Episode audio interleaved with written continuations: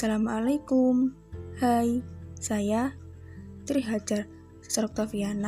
Di sini saya menyampaikan mengenai peran atau posisi pendidikan kewarganegaraan dalam identitas nasional.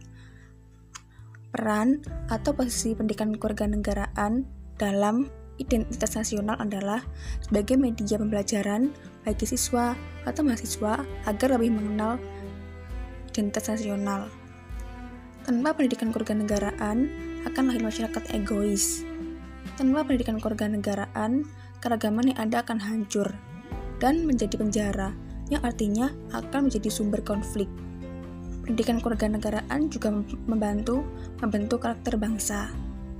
Pendidikan kewarganegaraan juga mengajarkan kita untuk menerapkan nilai-nilai Pancasila dalam kehidupan sehari-hari, yaitu sila pertama, menjalankan perintah agama masing-masing, dan toleransi.